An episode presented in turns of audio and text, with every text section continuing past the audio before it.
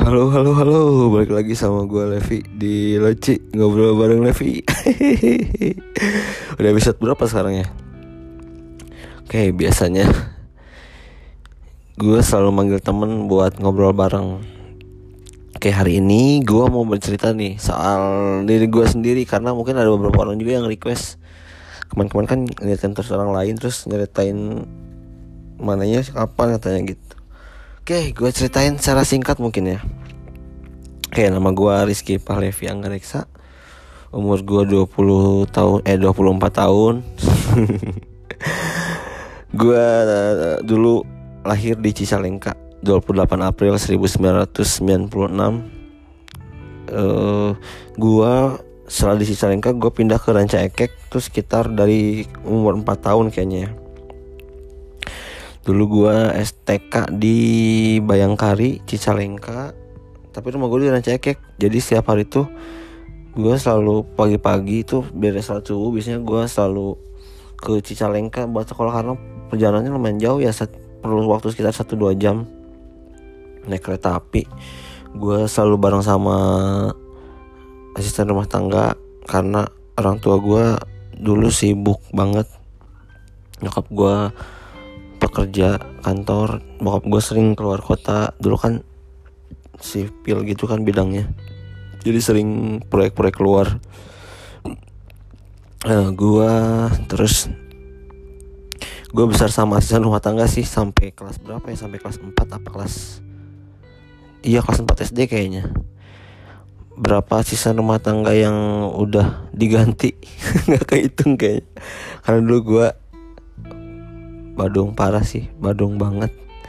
Sampai-sampai kejadian yang parahnya tuh gue pernah ngunci asisten rumah tangga gue di toilet seharian.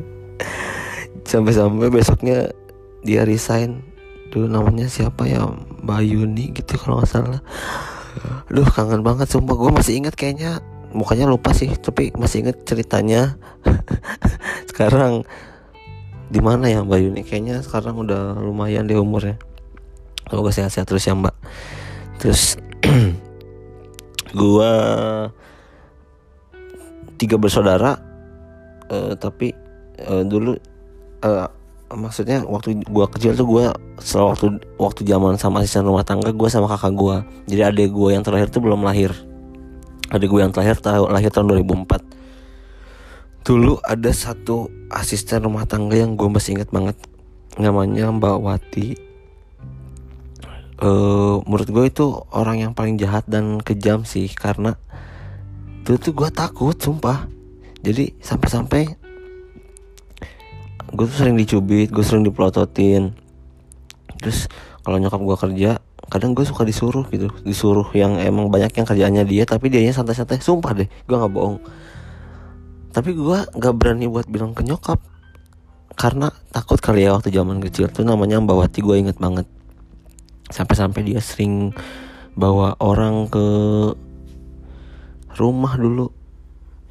Waktu gue kelas berapa? Kelas 1 apa? Kelas 2 SD ya. Sering bawa orang ke rumah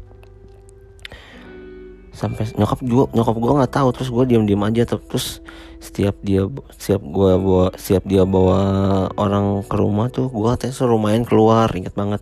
Sampai sampai uh, mulai bawa bawa ti keluar dari rumah gue tuh pada saat dia pernah kesiduk lagi lagi apa ya lagi entahlah lagi apa pokoknya tiba-tiba nyokap gue tuh pengen pulang dari kerjaan dari kantornya katanya kurang enak badan. Pas ke rumah ternyata nyiduk mbak Watinya katanya lagi pacaran sama si itunya sama si pacarnya. Terus karena gue takut ya karena gue takut sangkanya gue yang ngelaporin sampai-sampai gue sama kakak gue dulu inget banget gue lari ke sawah. Sawah ada tuh di beberapa rumah tuh dari rumah gue tuh ada sawah belakangnya terus gue lari waktu jalan cekek terus gue lari ke belakang sawah.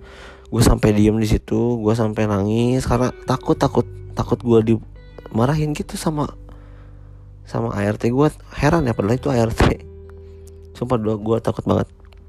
Sampai dari kejadian itu gue ingat terus uh, akhirnya gue cerita semua kejadian yang pernah terjadi. Sampai-sampai ART gue yang itu dikeluarin dari rumah gitu dari udah nggak ngurus lagi gue gitu singkat cerita soal cerita Mbak Wati. Terus gue gua dulu. Gua pindah ke Soreang tuh kelas 5 SD pindah ke Soreang tuh kelas 5 SD karena kejadiannya gue masih ingat dulu. Bokap gue pernah jatuh. Maksudnya usahanya eh proyeknya pernah gagal terus sampai-sampai yang memutuskan gue harus pindah ke Ranca Ekek eh, bareng keluarga. Karena bokap gue hancur usahanya. Sampai-sampai rumah kita dulu harus dijual kayak gitu. Terus eh, kelas 5 SD karena dulu katanya kakak gue punya rumah warisan gitu sama nenek gue di Sanggarina Banjaran tepatnya di Sang di Soreang ya kalau teman-teman yang tahu mungkin. Ini gue pindah ke sana sekeluarga. Dulu gue ngalamin banget masa-masa di mana sangat berkecukupan. Gue selalu bersyukur karena gue dari kecil selalu diajarin untuk bersyukur. Walaupun emang berkekurangan tapi gue selalu bersyukur apa pun makanannya apa pun kegiatan setiap harinya.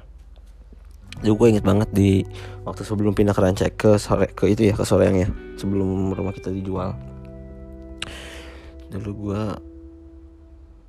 gak punya TV inget banget gak punya TV gak punya sampai-sampai dulu tuh ada acara ini tau nggak? Lu Avi Mama Mia yang gitu-gitu lah film-film yang ajang-ajang cari bakat gue tuh sering saking itu tuh hal minggu yang ditunggu-tunggu ya. Gue sampai-sampai suka ikut ke tetangga buat dengerin itu. Karena dulu eh, saking ininya ya sampai gue nggak punya TV serius. Saking bener-bener jatuh. Terus akhirnya eh, yaitu makan seadanya.